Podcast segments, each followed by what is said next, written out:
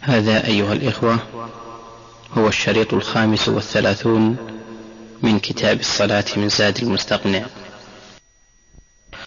قال نعم هذا هذا أقرب يغلب ما كان قبل السلام. ثم قال المؤلف باب صلاة التطوع. أولا يجب أن نعلم أن من رحمة الله بعباده وحكمته أن شرع لهم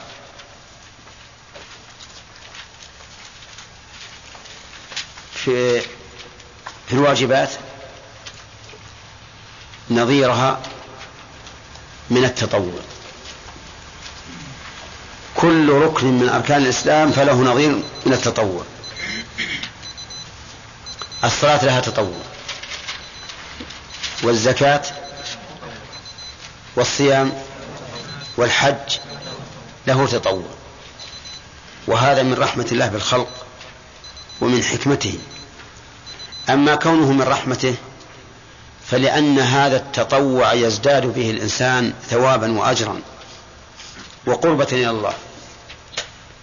وأما كونه من حكمته فلأن هذا التطوع تكمل به أو يكمل به نقص الفرائض يوم القيامة. وما من إنسان إلا وفي فرائضه نقص. فمن حكمة الله ورحمته أن جعل هذا التطوع ليجبر به النقص. نقف على هذا الباب. نعم. نعم. المراجعة أظن. من باب سجود السهو. ها؟ نعم. لو نسي لو نسي سجود السهو. ثم سلم الصلاة وخرج وأحدث. هل نقول توضأ ثم اسجد توضأ السجود؟ لا إذا إذا خرج خلاص. أو أحدث ما ما يسجد.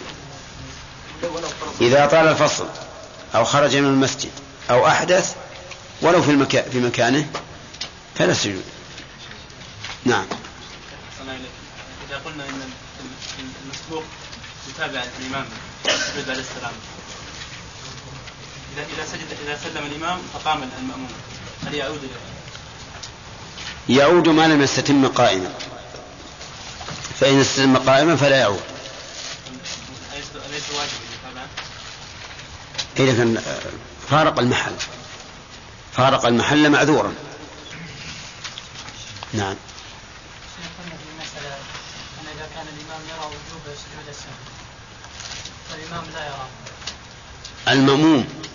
يرى وجوب يرى وجوب وتركه أنت قلت الإمام يرى وجوب السجود والإمام لا يراه كذا قلت؟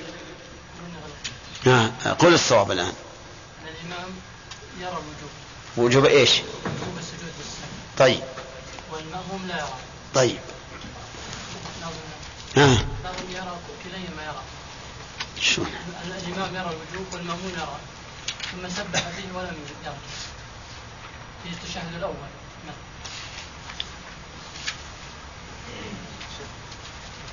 طيب.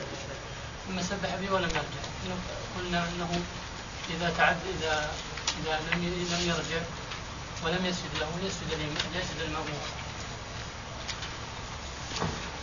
طيب. له يسجد سجدتين ويسلم. يسجد سجدتين ويسلم. اي نعم. نعم. إذا نسي آية من الفاتحة الصلاة وبعد السلام اي نعم.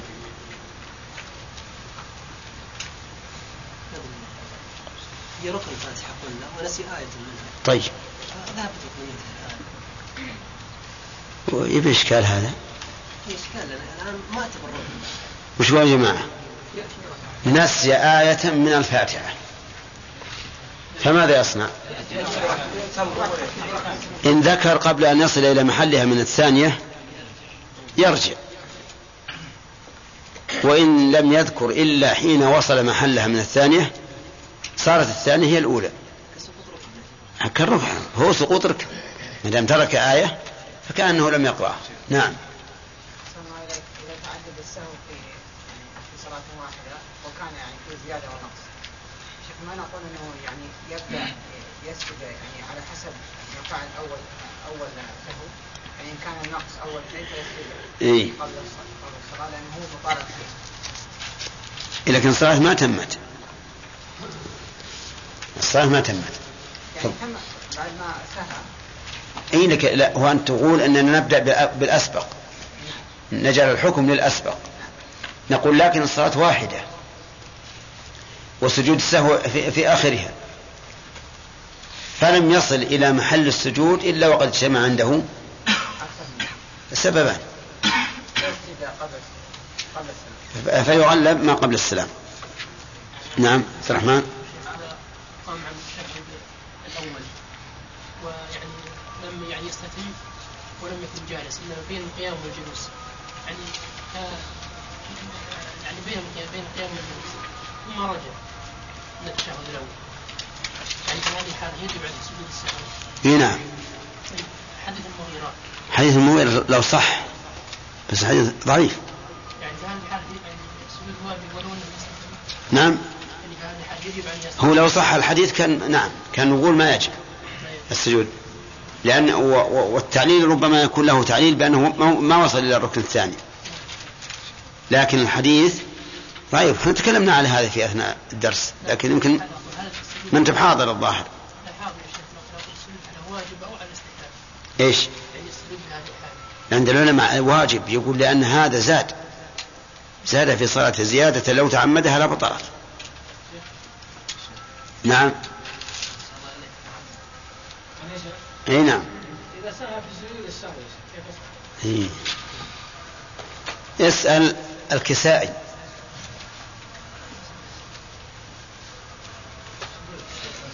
نعم. يقال إن أبا يوسف وهو من الفقهاء اجتمع عند الرشيد ومعه الكسائي وهو من أئمة النحو. فقال الكسائي إن كل إنسان يتعمق في فن فإنه لا يخفى عليه الحكم في فن آخر. فقال أبو يوسف لا يمكن العلوم مختلفة. قال لا يمكن. قال أرأيت؟ يقول أبو يوسف إذا سهى في سجود السهو. قال إذا سهى في سجود السهو فليس عليه سهو. قال من أين أخذته من, من نحوك؟ قال لأن المصغر لا يصغر. عاد الله هل هذا صحيح ولا لا؟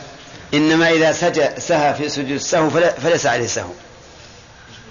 ليس عليه سهو. لكن مثلا لو سهى هل سجد السجود الثاني في سجود السهو أو لا؟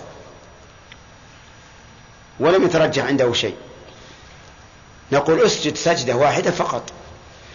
ولا نقول اسجد سجدة واحدة ثم اسجد سجدتين. لا.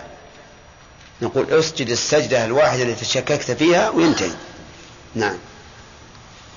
عرفت يا سلامة؟ نعم. جزاك الله خير. السجود السهو. صار بموجب بعد الصلاة. وفي موجب واجب قبل السلام.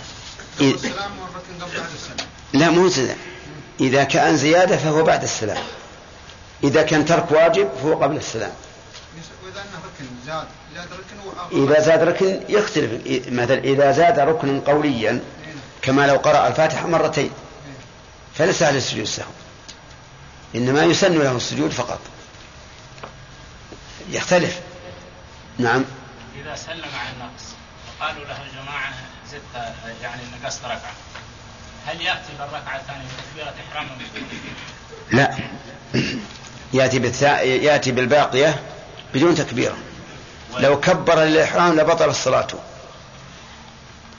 لأنه إذا كبر للإحرام معناه أنه قطع الأولى وابتدأ الثانية. خرج نعم. من المسجد. يرجع. ويدخل الصلاة بدون تكبيرة إحرام. هي نعم يدخل في لكن يجلس يجلس ثم يقوم يقوم بدون تكبيرة بدون تكبير نعم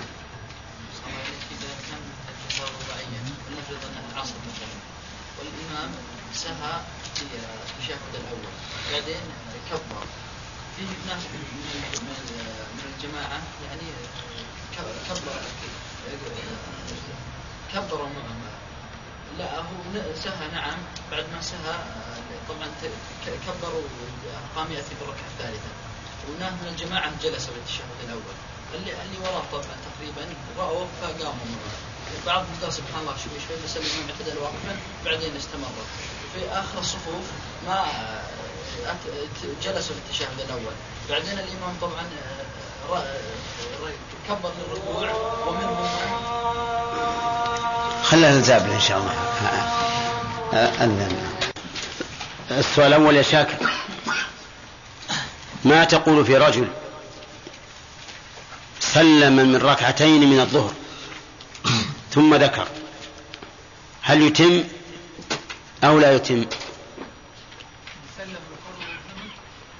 سلم من ركعتين في صلاة الظهر وهو مقيم ثم ذكر فهل يبني على ما مضى من صلاته ويتمها أو يستأنفها؟ يتمها. خطأ. ها؟ إن قرب الزمن شرط آخر.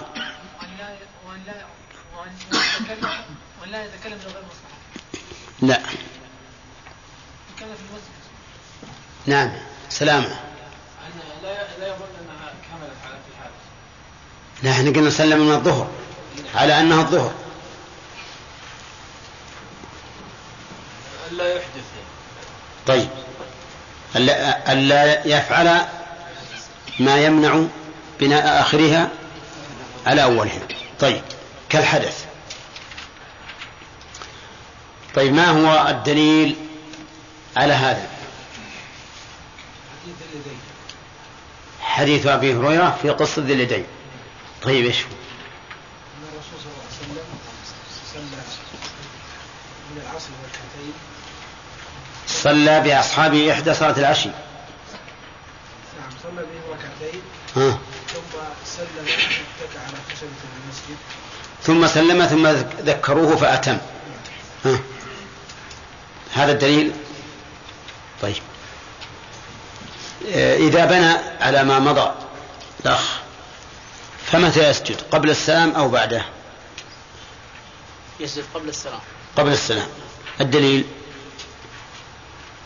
الدليل أنه كل نقص في في في الصلاة فسجوده قبل السلام. هذا تعليل. قائل أي القاعدة ما ما يقال دليل هي تعليل. قول النبي صلى الله عليه وسلم ها. آه، فليسجد سجدتين قبل السلام وهذا عن النقص. قاله قال الرسول هكذا قال من سلم في من صلاته ثم ذكر فأتم فليسجد سجدتين قبل أن يسلم. صح. ترى بالنسبة للرسول ما هي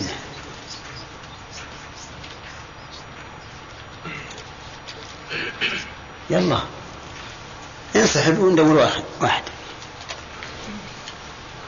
علي. بعد السلام؟ هل يسجد قبل السلام أو بعده؟ بعد السلام. بعد السلام. ما الدليل؟ حديث أبو هريرة في قصد اليدين. آه. أنه تم ثم سلم ثم سجد. أن النبي صلى الله عليه وسلم أتم ثم سلم ثم سجد سجدتين. طيب هذا الدليل. طيب هل هذا الدليل يا خالد يناقض ما أشار إليه الأخ من أن النقص يكون السجود فيه قبل السلام. أما ما قاله من أن النقص يكون السجود له قبل السلام؟ سؤالي هل يناقض أم لا؟ لست أسألك عن كلامه. إيه. هل يناقض أو لا؟ قل لا ولا نعم؟ كيف ما ما أقول الأخ قال نعم. إنه في هذه الصورة يسجد قبل السلام لأن القاعدة أن ما كان عن نقص فهو قبل السلام. نعم. فكان ف... والحديث كما أشار عليان يدل على أنه يسجد بعد السلام. نعم. فهل هذا الحديث يناقض القاعدة أو لا؟ لا هذا الحديث لا يناقض القاعدة. لا يناقضه. نعم لا يناقض كيف؟ لأن هذا الرجل الذي سلم قبل إتمام صلاته زاد في صلاته السلام. آه. فزيادة السلام وقع في أثناء الصلاة. إذا ليس بنقص. لا ليس بنقص. طيب. أفهمت؟ هذا ما هو عن نقص. هذا في الواقع زيادة. لأنه سلم في أثناء الصلاة فأتى بزيادة. واضح؟ طيب. آه إذا نسي التشهد الأول. أي نعم. فكم حالة له؟ أربع حالات. أربع حالات. الحالة الأولى إذا كان نوى القيام ولكنه يعني ما فرقت فخذيه لم ينهض. طيب هذه واحد. هذا يتشهد ولا سجود؟ نعم. الحالة الثانية يعني الحالة الأولى سمعتم كلامه يا جماعة؟ الحالة الأولى إذا هم أن ينهض عن التشهد الأول ثم ذكر وبقي. ففي هذه الحال ليس عليه شيء لأنه لم يزد في صلاته ولم ينقص. طيب الحالة الثانية؟ الحالة الثانية إذا نهض ولكنه لم يستتم قائما. نعم. ففي هذه الحالة عليه الرجوع. عليه الرجوع. والسجود. ويسجد السهو بعد السلام. الحالة الثانية سمعتوها؟ إذا نهض لكن لم يستتم فعليه الرجوع والسجود بعد السلام. الحالة الثالثة. الحالة الثالثة إذا نهض واستتم قائما ولكنه لم يشرع في القراءة في هذه الحالة يكره رجوعه إلى السجود إلى التشهد ويسجد قبل السلام. في هذه الحال لا يرجع. يكره أن يرجع. إذا يستمر في صلاته إذا ويسجد بعد يسجد قبل السلام. طيب. الحالة الرابعة الحالة الرابعة أنه يستتم قائما ويشرع في القراءة. أن يستتم قائما ويشرع في القراءة. ففي هذه في الحال هذه الحالة يحرم عليه الرجوع. نعم. عليه السجود قبل السلام. نعم. سمعتم الح- الأحوال أربع. نعم. ودليل حديث المغيرة بن شعبة على ما فيه من من مقال طيب. آه، رجل شك في الزيادة يا هدا- يا هداية الله. هل يسجد للسهو أو لا يسجد؟ يسجد. خطأ. في شك في زيادة؟ شك في الزيادة نعم.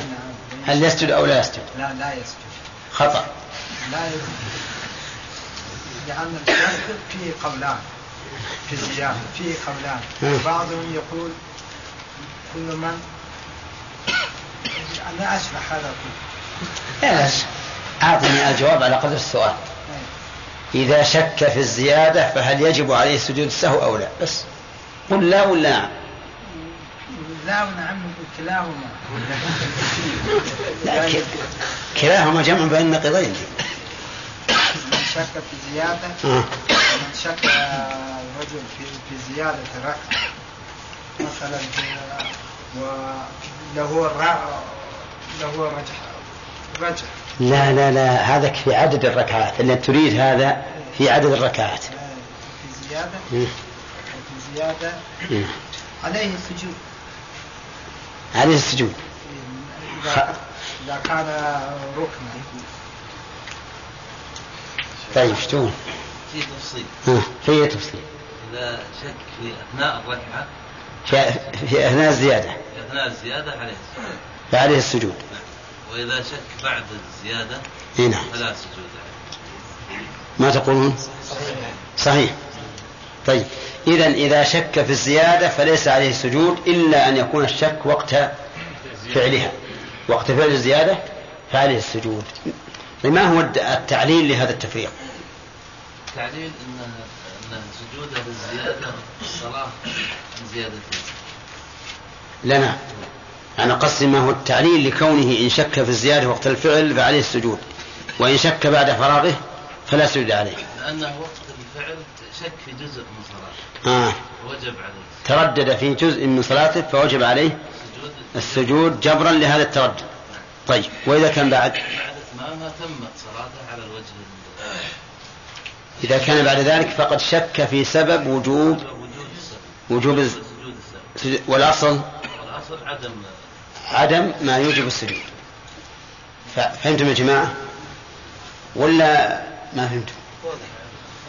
أنتم يا ها؟ إذا شك في الزيادة في أثناء فعلها وجب عليه السجود وإن شك بعد انتهائها فلا سجود عليه. مثل شك في الرابعة وهو في أثناء الرابعة. هل هي خامسة ولا رابعة؟ نقول ها؟ عليه السجود. لأنه أدى هذه الركعة الرابعة وهو متردد هل هي زائدة أو أو زائدة؟ فأدى جزءا من صلاته مترددا فيه.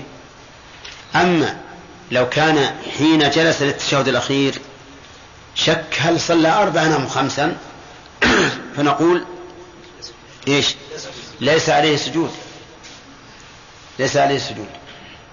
لأن لأنه شك في سبب وجوب السجود والأصل عدمه. الأصل عدمه. طيب ما تقول يا آدم فيما لو شك في ترك واجب؟ هل عليه السجود أو ليس عليه سجود؟ عليه عليه عليه السجود. مثاله؟ مثلا إذا إذا ترك السجود الأول يعني التشهد الأول. شك هل ترك التشهد الأول أو لا؟ نعم. فعليه السجود. ما فيه قول ثاني ولا؟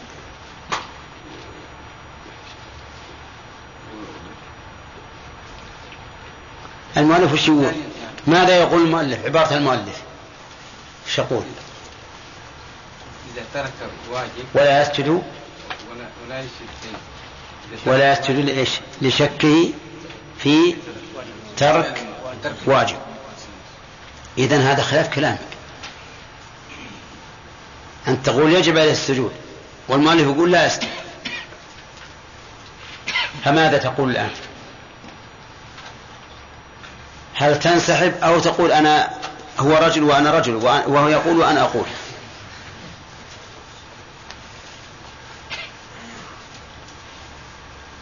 يلا يا أخي.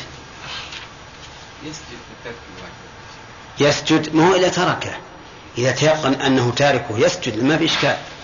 لكن شك هل ترك الواجب أم لم يتركه. لا ما ما يسجد. ما يسجد. كما قال المؤلف. طيب. لماذا علل؟ لأن الشك يعني يبني على اليقين. الشك. اليقين ما فعله. إن كان بنى على اليقين فهو ما فعله. أنتم فاهمين المسألة يا جماعة؟ رجل شك هل ترك التشهد الأول أو لا؟ رجل شك هل قال سبحان ربي الأعلى في السجود أم لم يقل؟ المؤلف يقول لا يسجد. لا يسجد. عرفتم؟ طيب التعليل. على قول المؤلف أنه شك في سبب وجوب سجود السهو نعم.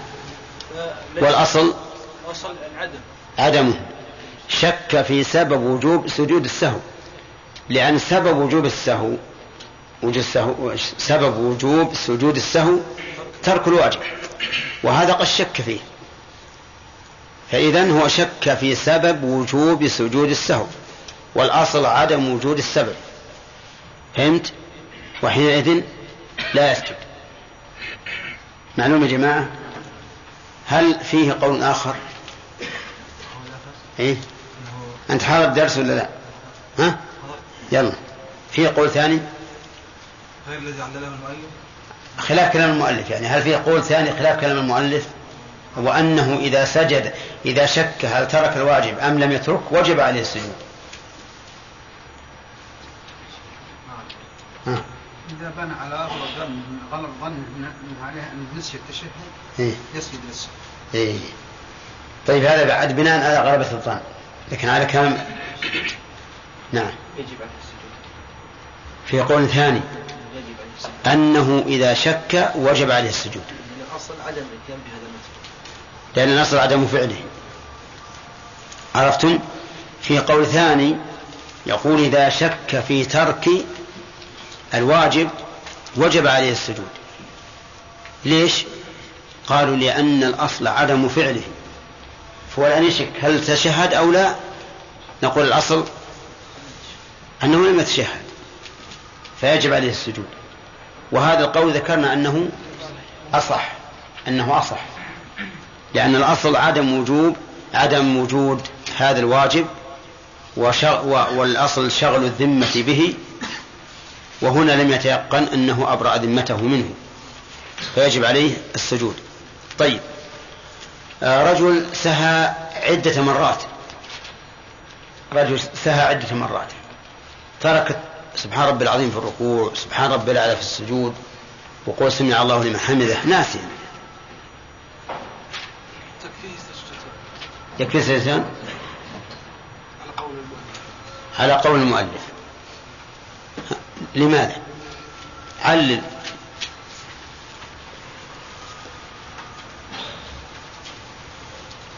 انه ترك اشياء توجب سجود السهو فتجزينا مثل لو أكل لحم جزور وأحدث يجزينا وضوء واحد لأن تعددت الأسباب؟ ها؟ تعددت الأسباب. لمسبب واحد. طيب تعدد الأسباب. وتعدد الأسباب لا يوجب تعدد المسبب كما لو بال وتغوط وأحدث بريح وأكل لحم إبل ونام خمسة أحداث يكفيه وضوء واحد. طيب فيه قول آخر. ذكرناه. نعم. سامي. كنا نبني على الأكثر. يعني على ال- الذي تركه هو الأكثر إن كان ترك ال- الركن أو الواجب. كيف يعني إحنا نريد تعدد. نعم تعدد. تعدد السجود. يعني ركعة ركوعان في ركعة.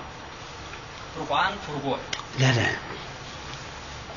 هذا الذي تريد إذا اجتمع سببان أحدهما يقتضي أن يكون السجود بعد السلام والثاني يقتضي أن يكون السجود قبل السلام. فأيهما نغلب هذا الذي تريد أنت. لكن أصل المسألة فيها قول ثاني. ذكرته لكم أول ما ذكرنا؟ أنا الآن أذكره وتذكرونه هالحين ذكرنا أن بعض العلماء يقول إذا اختلف محل السجود لزمه أربع سجدات. يعني إذا سهى مرتين أحدهما إحداهما يقتضي أن يكون السجود بعد السلام والثاني يقتضي أن يكون قبل السلام فإنه يسجد مرتين مرة قبل السلام ومرة بعد السلام. قبل السلام مطلقا يغلب قبل السلام لا يغلق قبل السلام إذا إذا اقتصرنا على على سجدتين لا اذا كان قبل على كلام المؤلف. ما ذكرنا هذا؟ بالاتفاق. والله ها؟ طيب. على كل حال فيه قول ثاني في المسألة.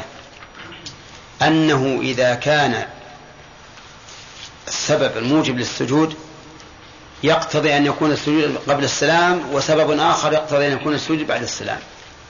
فإنه يسجد مرتين مرة قبل السلام ومرة بعده.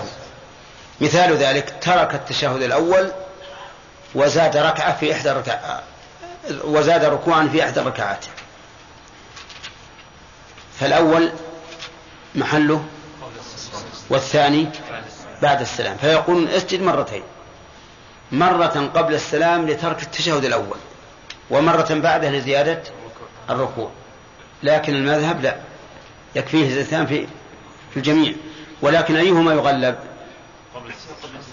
المذهب أنه يغلب ما قبل السلام لأنه أدخل في الصلاة. والقول الثاني لا الراجح يكفي سجود واحد. الراجح أنه سجود واحد يكفي. ويكون قبل السلام إذا اجتمع فيه سببان.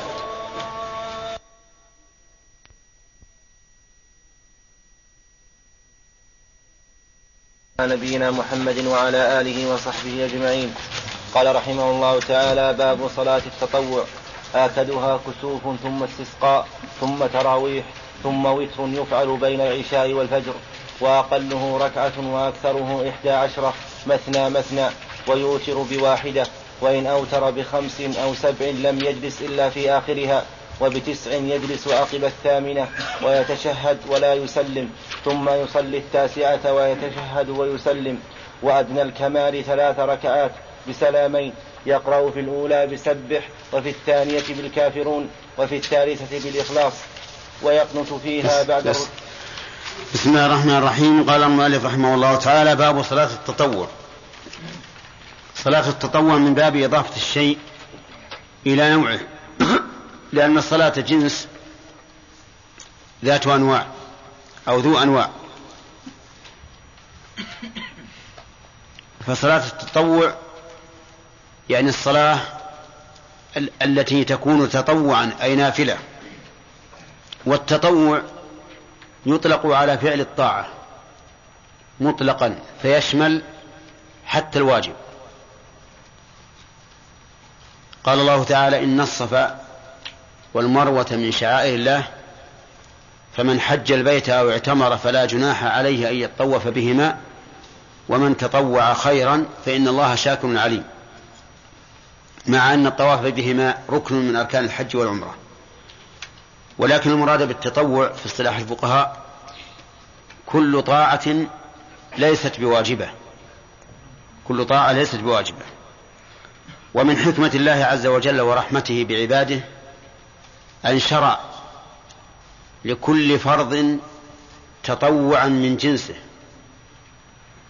ليزداد المؤمن إيمانا بفعل هذا التطوع ولتكمل به الفرائض يوم القيامة. فإن الفرائض يعتريها النقص فتكمل بهذه التطوعات التي من جنسها. وإذا نظرنا إلى العبادات وجدنا أن كل عبادة مفروضة لها تطوع من جنسها. فالوضوء له واجب وتطوع. والصلاة واجب وتطوع. والصدقة واجب وتطوع. والصيام واجب وتطوع. والحج واجب وتطوع. والجهاد واجب وتطوع. والعلم واجب وتطوع. كل العبادات صلاة التطوع هي الصلاة التي ليست بواجبة وهي أنواع في الحقيقة منها ما يشرع له الجماعة ومنها ما لا يشرع ومنها ما هو تابع للفرائض ومنها ما ليس بتابع ومنها ما هو مؤقت ومنها ما هو غير مؤقت ومنها ما هو مقيد بسبب ومنها ما ليس مقيدا بسبب. المهم أنها أنواع وكلها يطلق عليها صلاة تطوع. قال المؤلف رحمه الله آكدها كسوف ثم استسقاء ثم وتر. نعم ثم تراويح ثم وتر. قال المؤلف إن آكدها الكسوف لأن النبي صلى الله عليه وسلم أمر به. وخرج إليه فزعا وصلى صلاة غريبة وعرضت عليه في صلاته هذه الجنة والنار وخطب بعدها خطبة بليغة عظيمة وشرع لها الجماعة.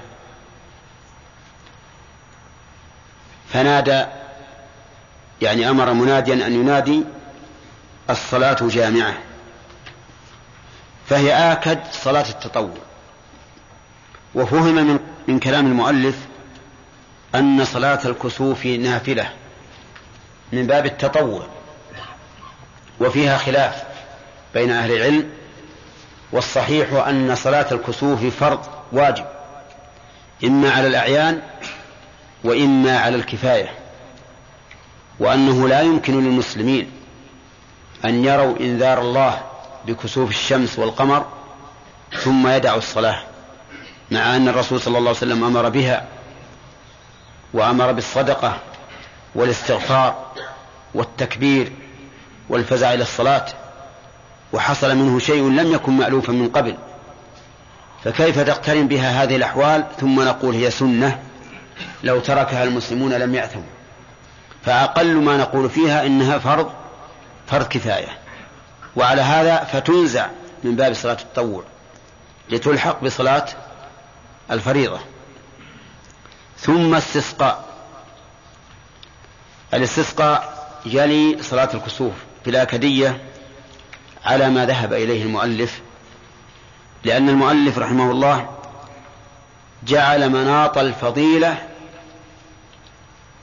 بالاجتماع على الصلاة. فما شرع له الاجتماع فهو أفضل مما لم يشرع له الاجتماع.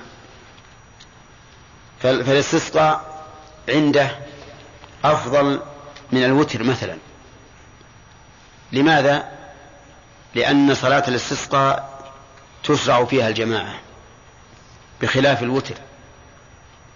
وما شرعت له الجماعة فهو أوكد من غيره. ولكن في هذا نظرا.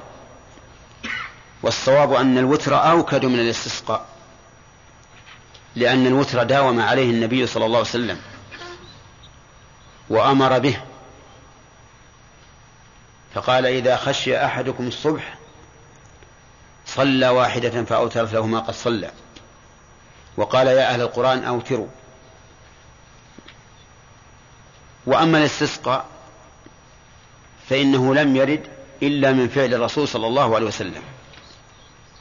ولم يكن يستسقي بالصلاة فقد يستسقي بالدعاء في خطبة الجمعة أو في غيرها. والاستسقاء هو أن الناس إذا أجدبت الأرض وقحط المطر وتضرروا بذلك خرجوا إلى الصحراء إلى مصلى العيد فصلوا كصلاة العيد ثم دعوا الله عز وجل. قال ثم تراويح. ثم تراويح تلي الاستسقاء. ثم وتر.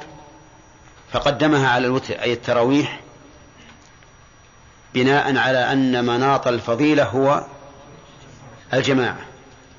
والتراويح تشرع لها الجماعة. بفعل الرسول صلى الله عليه وسلم.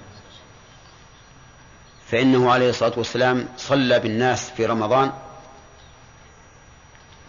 ثلاث ليال ثم تخلف في الثالثة أو في الرابعة وقال إني خشيت أن تفرض عليكم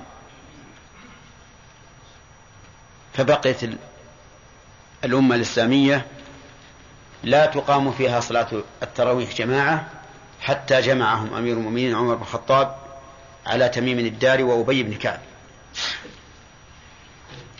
فالمؤلف يرى أن التراويح مقدمة على الوتر والتراويح من صلاة الليل ولكن الصحيح أن الوتر مقدم عليها وعلى الاستسقاء لأن الوتر أمر به وداوم عليه النبي صلى الله عليه وسلم. حتى قال بعض أهل العلم إن الوتر واجب وألحقوه بالصلاة المفروضة. وقال بعض العلماء إنه واجب على من له ورد من الليل يعني على من يقوم الليل. وقال آخرون إنه سنة. وشيء هذا شأنه عند أهل العلم أو صلاة هذا شأنها عند أهل العلم. كيف نجعل التراويح؟ الذي اختلف في, في استحباب الجماعة لها أفضل أفضل منه. إذا فالصواب الكسوف ثم الوتر ثم الاستسقاء ثم التراويح. لأن الاستسقاء صلاة يقصد بها رفع الضرر فالناس في حاجة إليها. أكثر من التراويح. قال ثم تراويح ثم وتر. التراويح هو قيام الليل في رمضان وسمي تراويح لأن الناس كانوا يطيلون القيام فيه والركوع والسجود. فإذا صلوا أربعا استراحوا. استراحوا ثم استأنفوا الصلاة أربعا ثم استراحوا ثم صلوا ثلاثا. على حديث عائشة رضي الله عنها. قالت كان النبي صلى الله عليه وسلم لا يزيد في رمضان ولا غيره على إحدى عشرة ركعة. يصلي أربعا فلا تسأل عن حسنهن وطولهن ثم يصلي أربعا فلا تسأل عن حسنهن وطولهن ثم يصلي ثلاثا. وهذه الأربع التي كان يصليها أولا ثم ثانيا يسلم فيها من ركعتين كما جاء ذلك مفسرا عنها رضي الله عنها. قالت كان النبي صلى الله عليه وسلم يصلي في الليل إحدى عشرة ركعة يسلم من كل ركعتين. وبه نعرف أن من توهم أن هذه الإحدى عشرة تجمع الأربع في سلام واحد والأربع في سلام واحد فإنه واهم واهم ولعله لم يطلع على الحديث الذي صرحت فيه بأنه يسلم من كل ركعتين. وفي الحقيقة أن هذا المسلك الذي يسلكه بعض الناس وهو التسرع في الحكم من غير تأمل مسلك مشكل. لأننا حتى على فرض أن عائشة لم تفصل فإن قول الرسول صلى الله عليه وسلم صلاة الليل مثنى مثنى يحكم على هذه الأربع بأنها يسلم فيها من من كل ركعتين. لأن قول الرسول يفسر أو لأن فعل الرسول المجمل يفسره قوله المفصل. طيب أما الوتر فإنه سيأتينا إن شاء الله أن أقله ركعة وأكثره إحدى عشرة ركعة ويأتي بيان صفته أيضا. طيب. والوتر سنة مؤكدة. حتى عند القائلين بأنه سنة يرون أنه من السنن المؤكدة جدا. حتى إن الإمام أحمد رحمه الله قال من ترك الوتر فهو رجل سوء لا ينبغي أن تقبل له شهادة. فوصفه بأنه رجل سوء وحكم عليه بأنه غير مقبول الشهادة وهذا يدل على تأكد صلاة الوتر. قال المؤلف في بيان الوتر يفعل بين صلاة العشاء والفجر.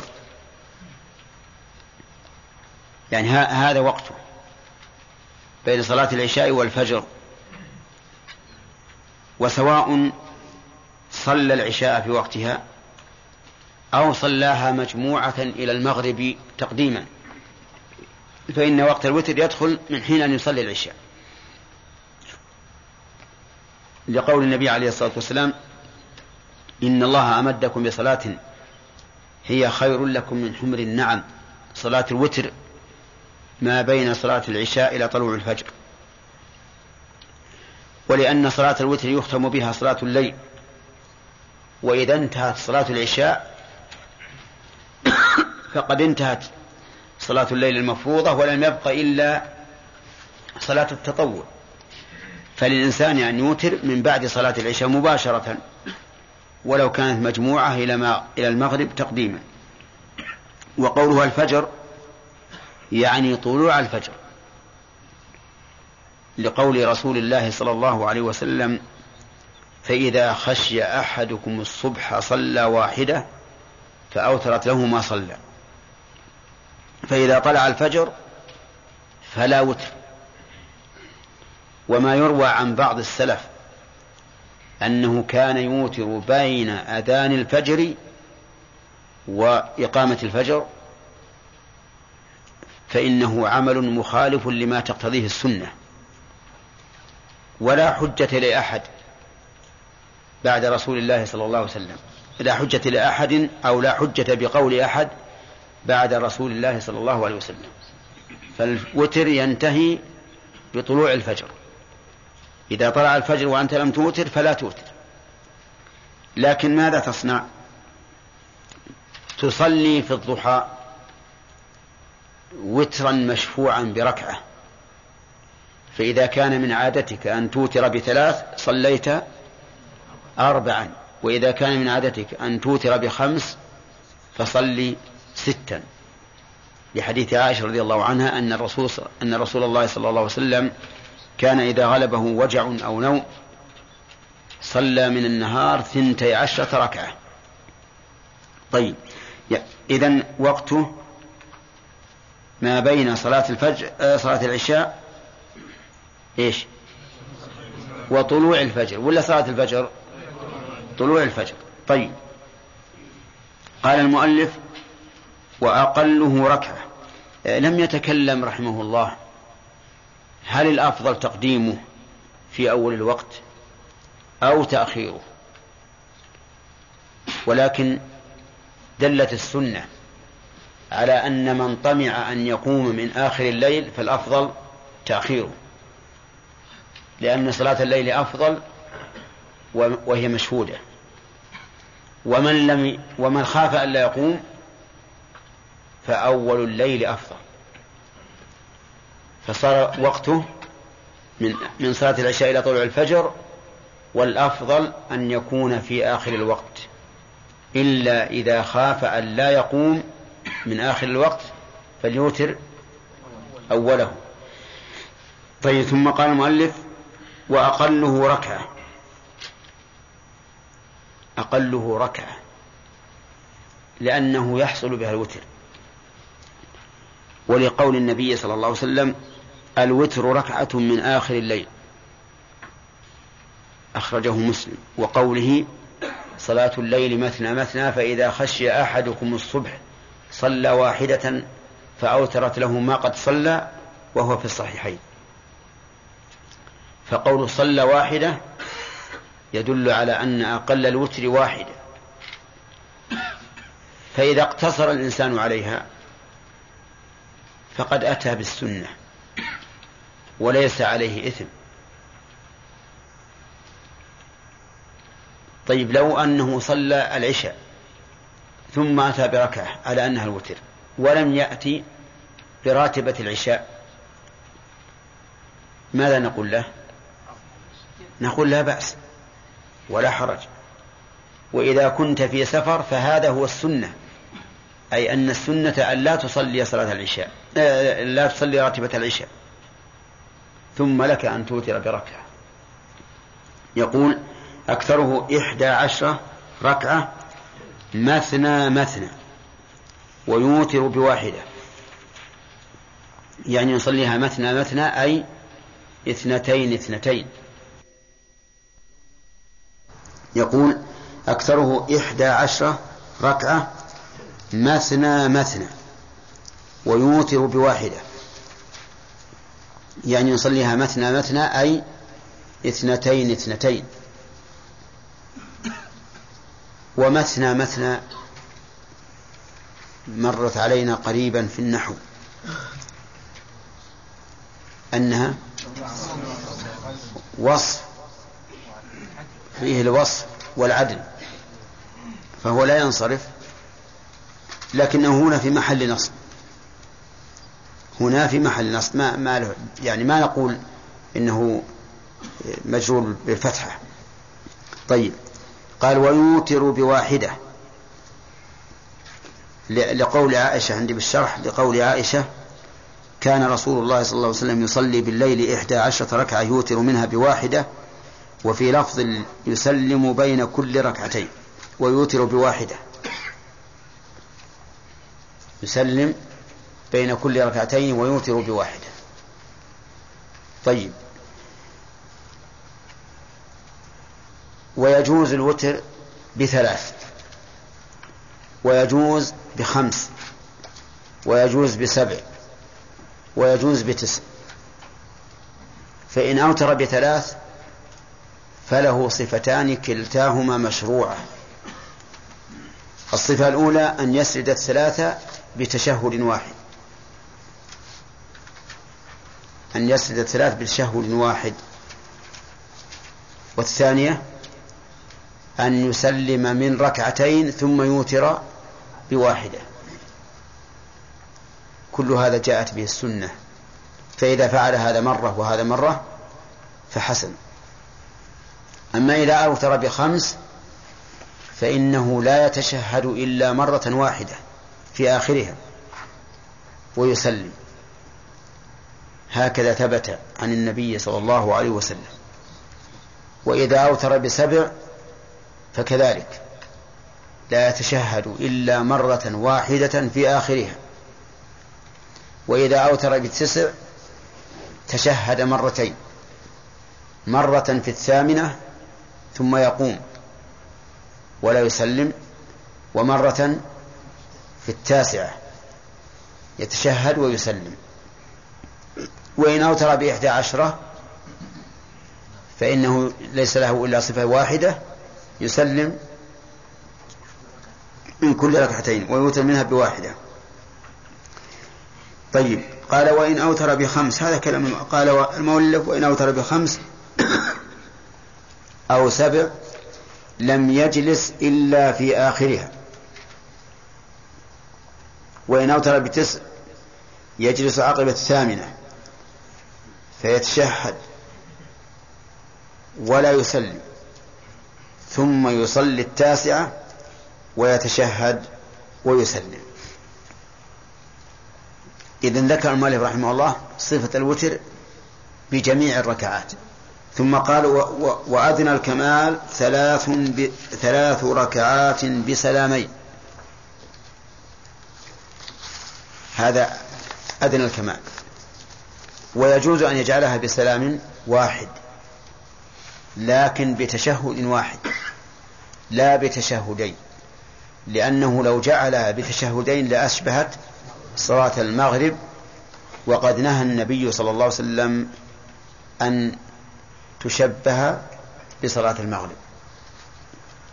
قال يقرأ في الأولى سبح وفي الثانية الكافرون وفي الثالثة الإخلاص. يقرأ في الأولى سبح اسم ربك الأعلى كاملة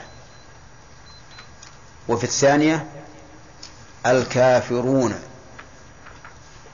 أو الكافرين؟ الكافرون. على وجه الحكاية لأن الكافرين نفسها ما تقرأ ولا يمكن أن يتسلط الفعل يقرأ على الكافرين الكافر لا يقرأ. إذن يسلط الفعل على اسم هذه السورة وهذه السورة تسمى سورة الكافرون. الكافرون. طيب. وفي الثالثة الإخلاص وهي قل هو الله أحد. وسميت الإخلاص لأن الله أخلصها لنفسه أخلصها لنفسه.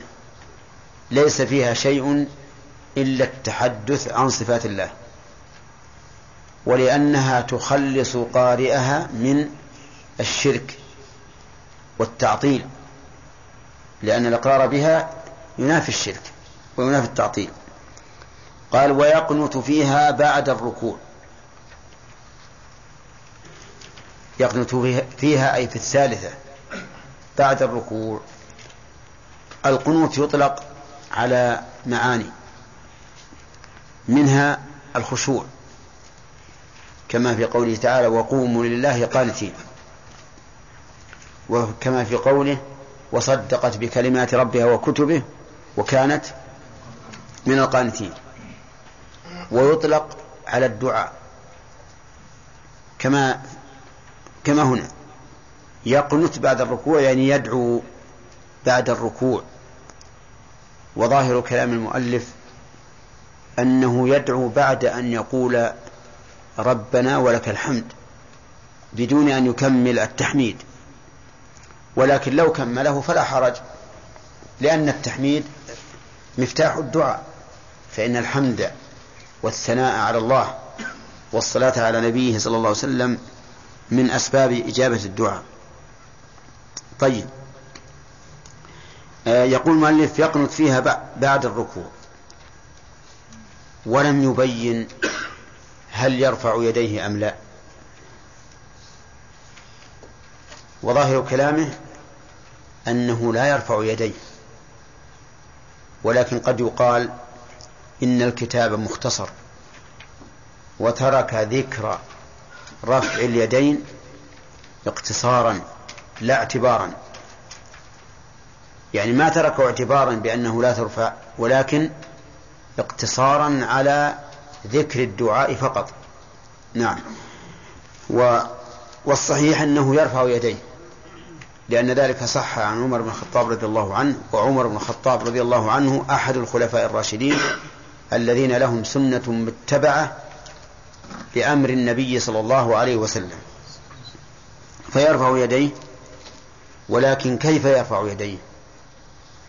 قال العلماء يرفع يديه إلى صدره.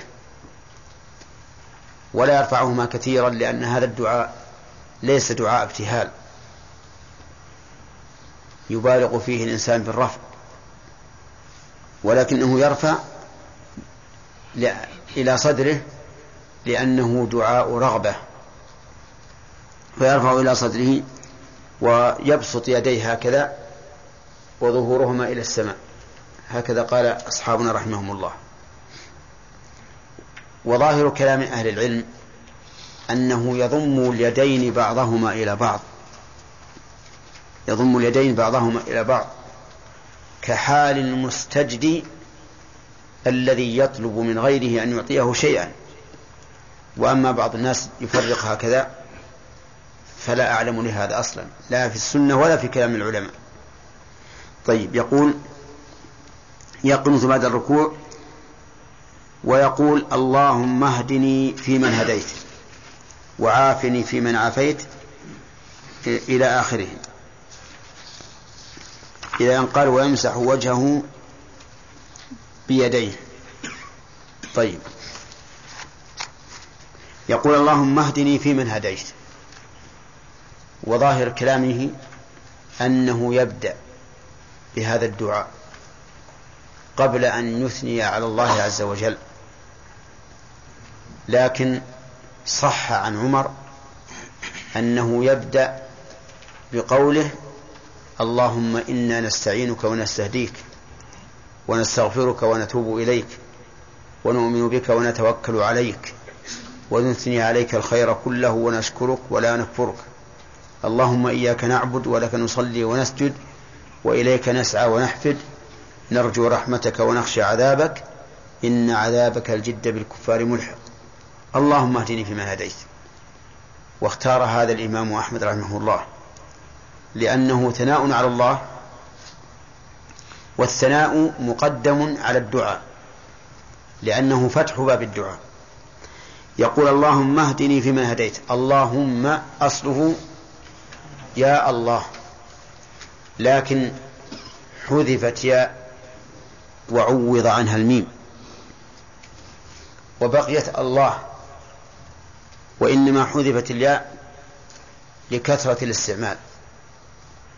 وعوض عنها الميم للدلالة عليها وأخرت للبداءة بسم الله وجعلت ميما للإشارة إلى جمع القلب على هذا الدعاء. ولم تجعل نونا أو باء لم تقل لا لم تجعل اللهم إن الله اللهن أو الله نعم. وإنما يقال اللهم لأن الميم تدل على الجمع. إشارة إلى جمع القلب على الله عز وجل في حال الدعاء. اللهم اهدني فيمن هديت والذي يقول اهدني هو المنفرد. أما الإمام فيقول اللهم اهدنا وقد روي عن رسول الله صلى الله عليه وسلم من أم قوما فخص نفسه بالدعاء فقد خانهم. لأنه إذا دعا الإمام قال اللهم اهدني والمأموم يقول آمين صار الدعاء له والمأموم ما له شيء إلا أنه يؤمن على دعاء الإمام لنفسه وهذا نوع خيانة. نعم. إذا يقول الإمام اللهم اهدنا بالجمع لأنه يدعو لنفسه ولمن وراءه. قول اللهم اهدني في من هديت أي في جملة من هديت.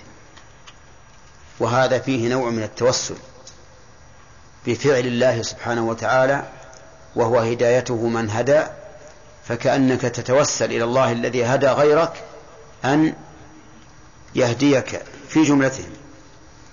والهداية هنا يراد بها هداية الإرشاد وهداية التوفيق. هداية الإرشاد التي ضدها الضلال وهداية التوفيق التي ضدها الغي. وأسأل الآن من الذي فقد هداية الإرشاد؟ فهد من الأمم. من الذي فقد هداية الإرشاد من الأمم؟ النصارى والذي فقد هداية التوفيق اليهود. فأنت إذا قلت اللهم اهدني تسأل الله تعالى الهدايتين هداية الإرشاد وذلك بالعلم وهداية التوفيق وذلك بالعمل. لأنه ليس كل من علم عمل وليس كل من عمل عمل عن علم. وتمام التوفيق أن تعلم وتعمل. نعم. وقول وقول اللهم اهدني فيمن هديت وعافني فيمن عافيت. عافني. فيمن عافيت. تسأل الله العافية. فيمن عافيت أي في جملة من عافيت وهذا كما قلت آنفا فيه نوع من التوسل إلى الله تعالى بفعله في غيرك. فكأنك تقول كما عافيت غيري فعافني. والمعافاة هل المراد المعافاة في الدين أو في الدين والدنيا؟ ها؟ تشمل الأمرين. أن يعافيك من أسقام الدين وهي أمراض القلوب التي مدارها على الشهوات والشبهات. وعاف ويعافيك من أمراض أمراض الأبدان وهي اعتلال صحة البدن. والإنسان محتاج إلى هذا وإلى هذا وحاجته إلى المعافاة من مرض القلب أعظم من حاجته إلى المعافاة من مرض البدن. ولهذا يجب علينا أن نلاحظ دائما قلوبنا وننظر هل هي مريضة هل هي صحيحة هل صدأت تحتاج إلى دعك وغسل أو هي نظيفة. لا نطلق الأمر على على علاته لأنك إذا أطلقت الأمر يا إخواني ضعت. بقيت دائما ليس لك صلة مع الله. فإذا كنت تنظف قلبك دائما في معاملتك مع الله وفي معاملتك مع الخلق حصلت خيرا كثيرا. وإلا فإنك سوف تغفل وتفقد الصلة مع الله وحينئذ يصعب عليك التراجع. فحافظ حافظ حافظ على أن تكون دائما تفتش في قلبك. فيه غفلة فيه مرض شبهة فيه مرض شهوة وكل شيء ولله الحمد له دواء. القرآن كله دواء للشبهات والشهوات. الترغيب في في الآخرة والتحذير من النار مثلا الترغيب في الجنة والتحذير من النار هذا من أجل طرد الشهوات. بدل ما تميل إلى الشهوات في الدنيا التي فيها المتعة تذكر إيش؟ متعة الآخرة. تذكر متعة الآخرة وتخاف من من الشر في الآخرة. ولهذا كان نبينا صلى الله عليه وسلم إذا رأى ما يعجبه من الدنيا قال لبيك إن العيش عيش الآخرة. شوف كيف الدواء. لبيك إن العيش عيش الآخرة. فيقول لبيك يعني إجابة لك من أجل أن يكبح جماح نفسه حتى لا تغتر بها بما شاهدت من متع الدنيا. لبيك فيقبل على الله. ثم يوطن نفسه ويقول إن العيش عيش الآخرة لا عيش الدنيا. وصدق رسول الله صلى الله عليه وسلم. المهم أن العافية تشمل سؤال العافية من أمراض القلوب التي مدارها على الشبهات والشهوات ودواؤها في كتاب الله. دواؤها في كتاب الله. فكتاب الله كله مملوء بالعلم والبيان. الذي تزول به إيش؟ ها؟ تزول به الشبهات. ومملوء بالترغيب والترهيب الذي يزول به داء الشهوات. ولكننا في غفلة في الحقيقة. في غفلة عن هذا الكتاب العزيز الذي كله خير. وكذلك ما كم ما كملته به السنة المطهرة عن رسول الله صلى الله عليه وسلم. طيب. أما عافية الأبدان فطبها نوعان. طب جاءت به الشريعة فهذا أكمل الطب. والطب الذي جاءت به الشريعة نوعان أيضا. طب مادي وطب معنوي روحي. فالطب المادي كقول كقول الله تعالى في النحل يخرج من بطونها شراب مختلف ألوانه فيه شفاء للناس. وكقول النبي صلى الله عليه وسلم في الحبة السوداء إنها شفاء من كل داء إلا السام. وكقوله صلى الله عليه وسلم في الكمأة الكمأة من المن وماؤها شفاء للعين. وأمثال ذلك. هذا طب نبوي مادي. والثاني الطب النبوي المعنوي الروحي وذلك بالقراءة بالقراءة على المرضى وهذا قد يكون أشد تأثيرا وأسرع تأثيرا. انظر إلى رقية النبي صلى الله عليه وسلم للمرضى تجد أن المريض يشفى في الحال. فإنه لما قال في يوم خيبر لأعطين الراية غدا رجلا يحب الله ورسوله ويحبه الله ورسوله يفتح الله على يديه. بات الناس تلك الليلة يخوضون من هذا الرجل؟ فلما أصبحوا غدوا إلى رسول الله صلى الله عليه وسلم يعني راحوا في الصباح كل واحد متشوف لها. متشوف لها لأنه سوف يغنم مغنما كثيرا. ها؟ لا. لأنه سوف ينال هذا الوصف. يحب الله ورسوله ويحبه الله ورسوله. فقال أين علي بن أبي طالب؟ أين علي؟ قالوا يشتكي عينيه. فدعا به فجيء به فبصق في عينيه ودعا. فبرئ. برئ في الحال. كأن لم يكن به أثر فأعطاه الراية.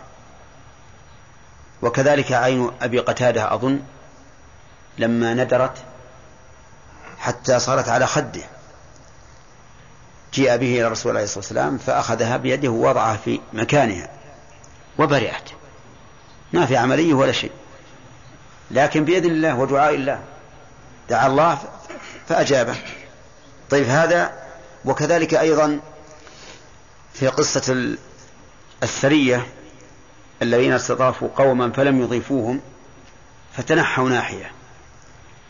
فقدر الله عز وجل أن يلدغ زعيم هؤلاء القوم الذين أبوا أن يضيفوا الصحابة السرية فلما لدغ لدغته حية قالوا من يرقى؟ قال بعضهم لبعض شوفوا الجماعة الذين نزلوا عليكم ضيوفا ولم تضيفوهم. لعل فيهم قارئ. فذهبوا إليهم فقالوا نعم فينا من يقرأ لكن ما نقرأ عليكم إلا بشيء إلا بجعل. فجعلوا لهم قطيعا من الغنم. جاء الله بالضيافة غصبا عليهم الحمد لله. جعلوا لهم قطيعا من الغنم. فذهب أحدهم يقرأ على هذا اللدير يقرأ سورة الفاتحة سورة الفاتحة فقط. كررها فقام اللدير كأنما نشط من عقاب والذي لدغته حية. فلما غدوا إلى رسول الله صلى الله عليه وسلم وأخبروه رجعوا إليه وأخبروه قال للقارئ وما يدريك أنها رقية وما يدريك أنها رقية. هذا طب نبوي لكنه معنوي بالقراءة. وما أكثر الذين نشاهدهم ونسمع بهم يؤثرون تأثيرا بالغا في المرضى أشد من تأثير الطب الذي يدرك بالتجارب. طيب في أيضا قلنا إن مرض القلوب له دواء نبوي والدواء النبوي نوعان وله دواء مادي بحت يعرف بالتجارب. يعرف بالتجارب. وهو ما يكون على يد الأطباء سواء درسوا في المدارس الراقية وعرفوا أو أخذوا بالتجارب لأن يوجد أناس يوجد أناس من عامة الناس يجرون تجارب على بعض الأعشاب ويحصل منها فائدة ويكونون بذلك أطباء بدون بدون دراسة لأن, لأن هذا يدرك بالتجارب. فقول القائل عافني في من عافيت. يسأل الله العافية في من عافاه الله من أمراض القلوب وأمراض الأبدان. وأمراض القلوب قلنا إن طبها يكون بماذا؟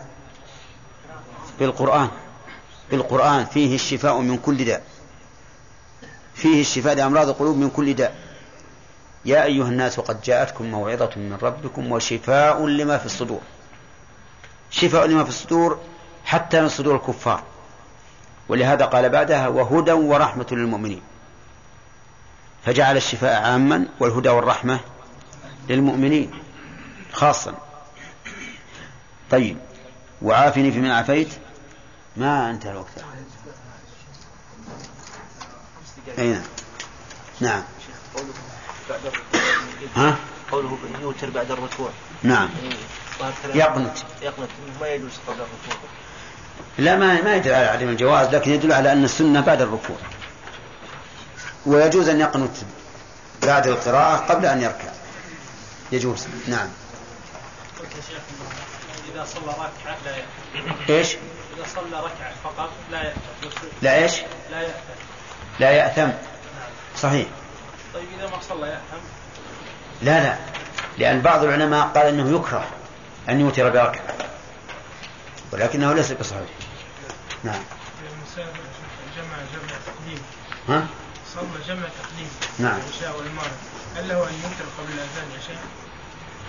هنا من يوم يصلي العشاء؟ لو صلى العشاء والمغرب بعد أن مضى ربع ساعة من الوقت.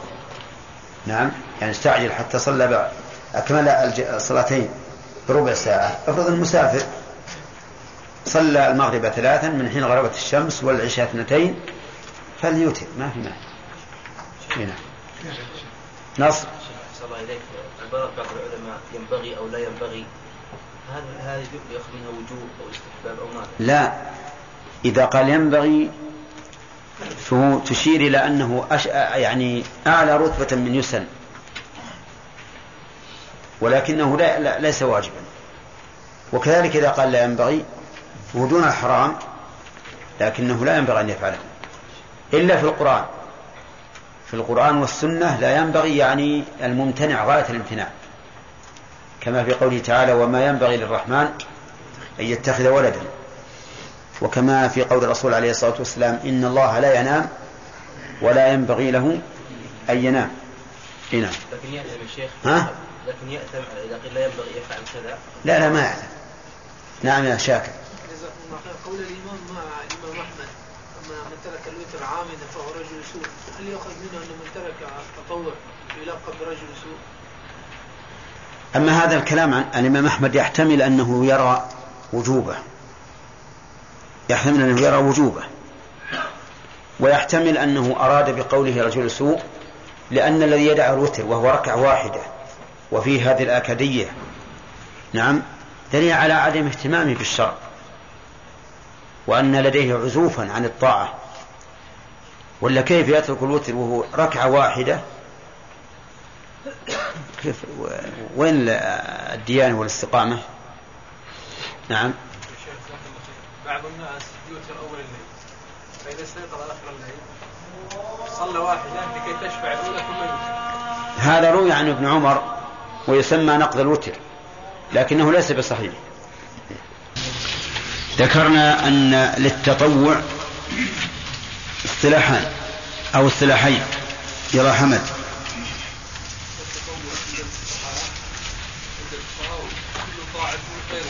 نعم.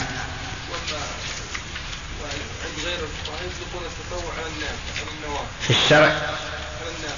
لا. هذه نفلة هي طاعة غير واجبة. نعم. فعل الطاعة مطلقا. ها؟ على فعل الطاعة مطلقا. على كل طاعة ولو واجبة. ولو واجبة. طيب. ما هي الحكمة من مشروعية التطوع؟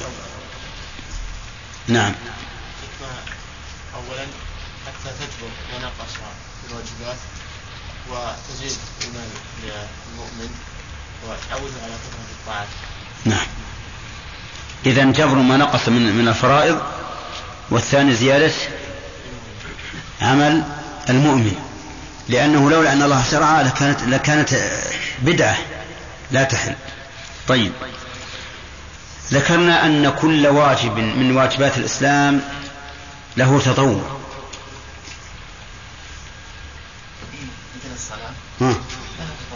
الصلاة لا تطوع. الحج له تطوع. الصيام له تطوع.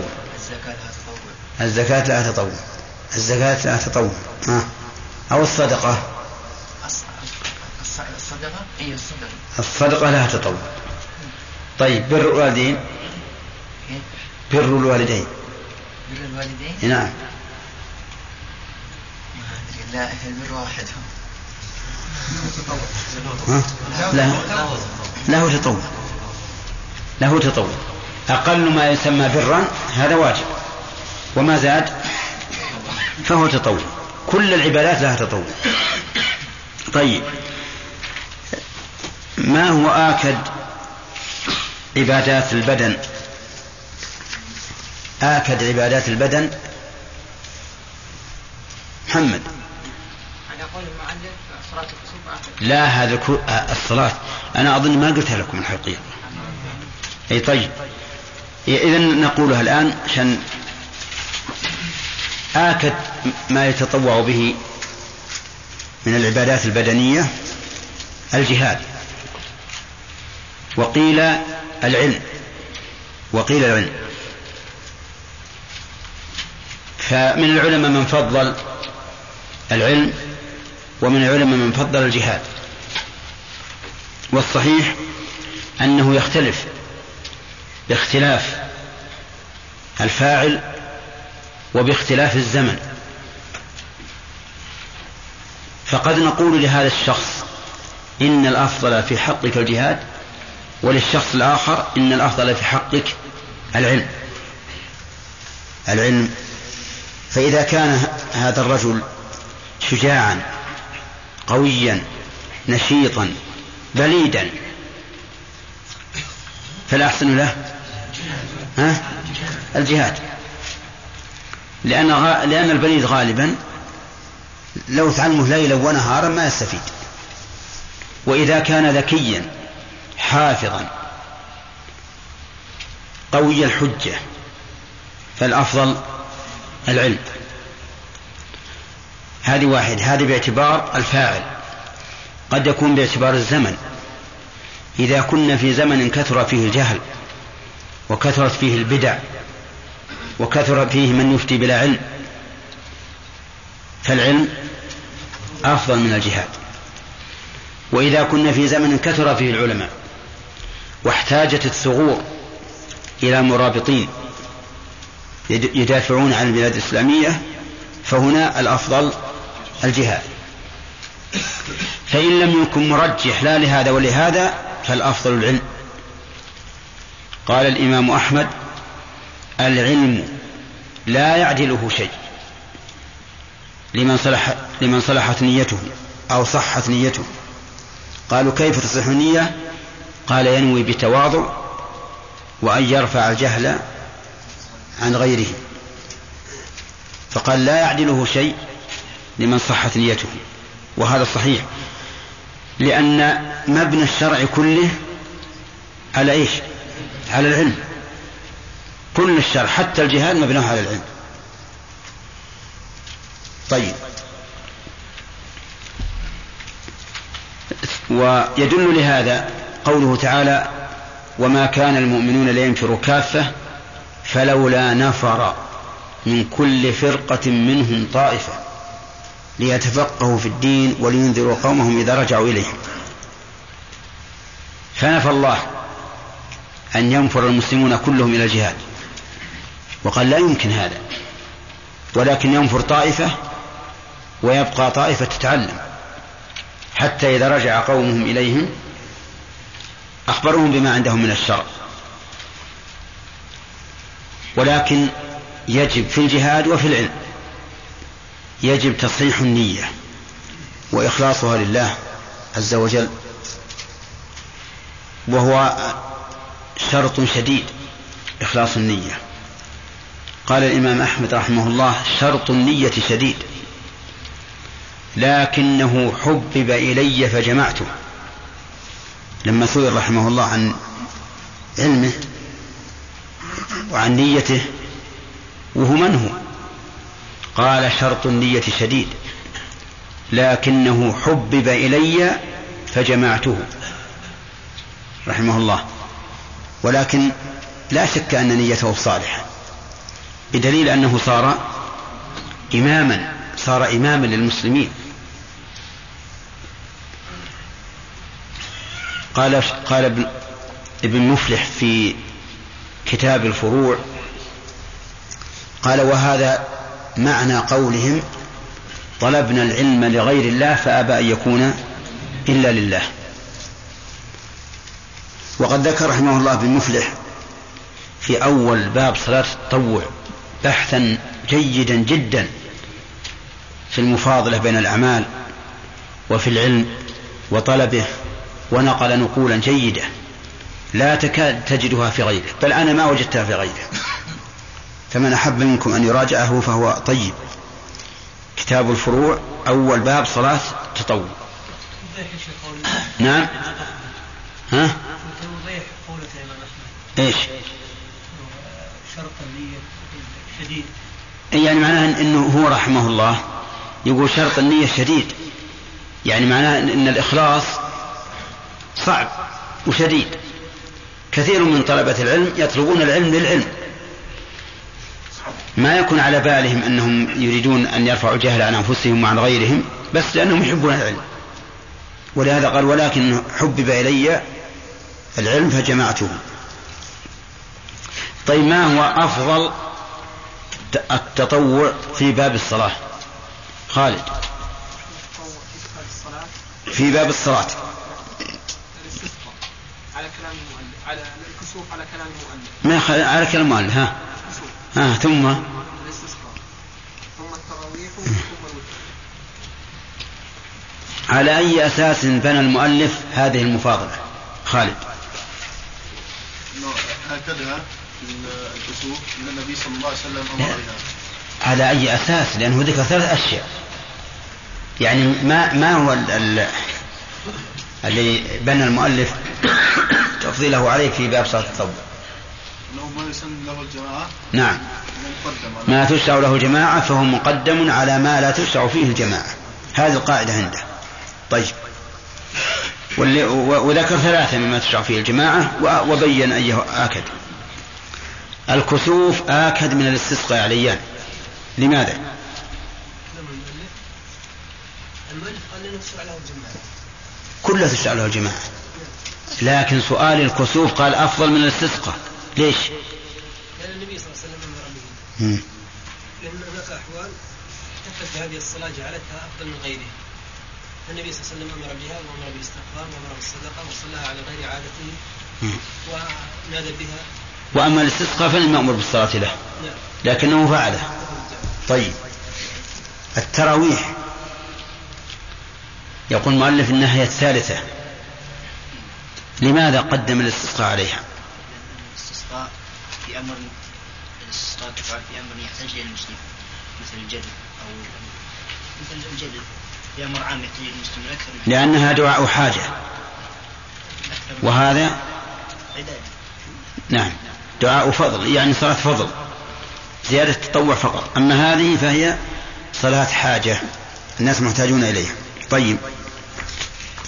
ما هو القول الراجح يا هداية الله؟ ما هو القول الراجح في الأفضل بين هذه ال- الأربع؟ كسوف استسقى تراويح وتر. قول الراجح بعد الكسوف هو الوتر. أحسنت. لأن الوتر دام رسول الله صلى الله عليه وسلم وكذلك بعض العلماء قال واجبة و... ولهذا مقدم على الاستسقاء والتراويح. تمام. أما بين الكسوف وال- والوت- والوتر صحيح أن الكسوف واجبة وليست من مقدمة على الوتر. مقدمة على الوتر. طيب. شيخ الوتر حق والوتر نعم. حق الإنسان بعينه وال- والتطوع الثاني إذا قام به من يوجب من أهل البلد صدق الباقي عن الباقين والرسول صلى الله عليه وسلم أمر له فعله ما تركه ويترك بعض الصلاة في السفر الرباعية يترك منها منها ركعتين ويصلي ركعتين ومثل ما يترك شيء. إيه نعم. إيه وش وش المقصد؟ ما في شك إنه مؤكد الوتر. لكنه ليس بواجب. ليس بواجب لأن الرسول عليه الصلاة والسلام لما سأله الأعرابي قال هل علي غيرها؟ قال لا إلا أن تتطوع. وقال الله تعالى في ليلة المعراج هن خمس بالفعل وخمسون في الميزان. وقال أمضيت فريضتي وخففت عن عبادي فهو ليس بواجب. أما الكسوف فإنه واجب لأن الرسول أمر به وفزع له وصلى صلاة رهيبة وخطب له. نعم. طيب الوتر أول نسأل عن وقته يا عادل سليم طيب ولو جمعت؟ لو جمعت. الدليل؟ أمدكم. أمدكم بصلاة هي خير لكم من حمر النعم صلاة الوتر ما بين العشاء إلى طيب أحسنت. كم أقله؟ أقله ركعة ما الدليل؟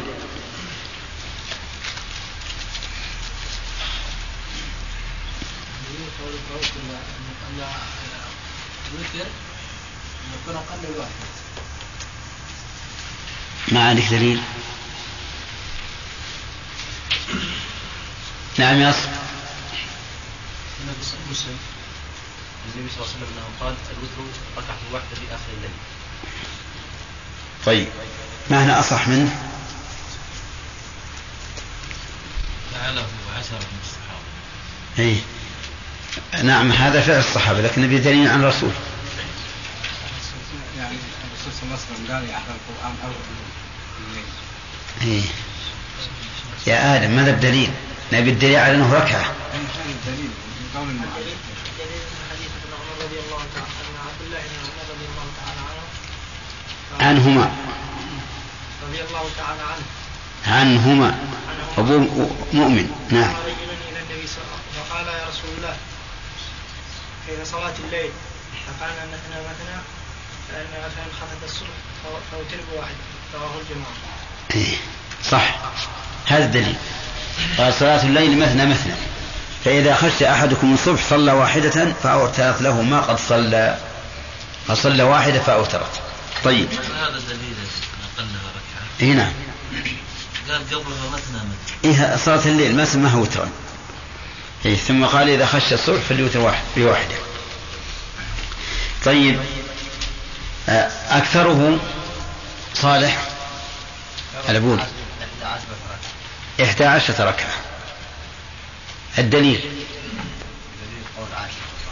نعم. كان رسول الله صلى الله عليه وسلم يصلي من الليل 11 ركعة نعم. وقالت ما كان يزيد في رمضان ولا غيره على إحدى عشرة ركعة. تمام. أوتر بخمس كيف يوتر؟ ها؟ نعم. وبسبع؟ وبتسع يجلس عقب الثامنة نعم يتشهد ولا يسلم ثم يأتي بالتاسعة ويتشهد ويسلم صح. صحيح؟ طيب. هل يفعل هذا هذه الصفة إذا كان إماما للناس في رمضان أما السرد فلا يعني ما ينبغي السرد الركعات تسع أو سبع ينبغي أن يسلم بين الركعتين أو الخمس. أو الخمس لأن هذا يحجز الناس قد يكون بعض الناس ما يريد أن يوتر كذا يصلي في البعض أي نعم. تمام. النبي صلى الله عليه وسلم ما فعل. ها؟ النبي صلى الله عليه وسلم في- في رمضان ما فعل. وأن الرسول ما فعله في رمضان إنما كان يفعله في بيته. المهم ما صارت صلاة تراويح؟ صارت مثل قيام الليل اللي مفرد نعم. وصارت وترا. لا وفي أشد شيء نعم من سن سنتين خمس سنوات على من؟ هذا هو كلام خالد. يقول يحجز المأمومين فيؤذيهم. وفيها أيضا مفسدة. الداخل سوف ينوي صلاة صلاة الليل. الداخل اللي ما يدري عنه سينوي صلاة الليل. فإذا هو وتر. عرفتم؟ لأنه ما يعلم إن, إن هذا يوتر. أنه يوتر. طيب إذا ما فعله بعض الناس اجتهادا فهذا من الاجتهاد الذي لم يكن مصيبا. وهذا هو الذي أنا أحثكم عليه. على أن تطلبوا العلم. حتى لا تأخذوا بأطراف الأدلة وتمسكوا العصا من وسطه حتى تعرفوا ويتبين لكم الشيء الذي هو مراد الله ورسوله والذي ليس مراد الله ورسوله. نعم. طيب. إذا أوتر بثلاث فلها ثلاث صفات. نعم. نعم. يصلي ركعتين ويوتر بواحدة يصلي ركعتين ويسلم. نعم. أنا قلت ثلاث. وهي اثنين موجودة اثنين أي طيب. الثالثة. أي نعم. صلاة المغرب. أحسنت. الثالثة أن يوترك المغرب وهذه منهي عنها ليست مشروعة. يعني يتشهد بعد الثانية ثم يأتي بالثالثة فهذه غير مشروعة. منهي عنها؟ طيب. إذا أوتر بثلاث يقرأ جمال. في كل ركعة. نعم. سنة.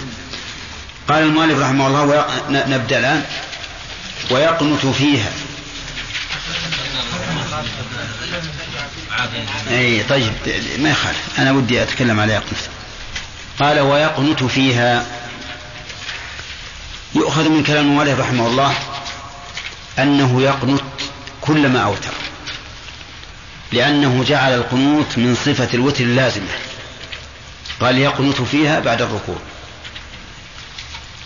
ولكن من تدبر صلاة النبي صلى الله عليه وسلم في الليل التي شهدها جماعة من الصحابة تبين له أنه كان لا يوتر.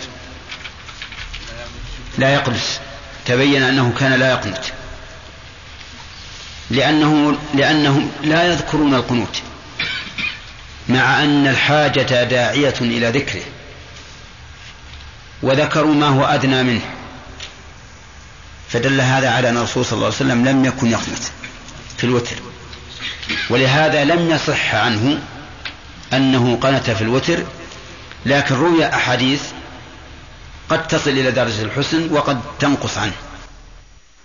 أيها الإخوة هدفنا هو إرضاؤكم ونرجو منكم إبداء أية ملاحظة أو أي اقتراح حول التسجيل وجزاكم الله خيرا.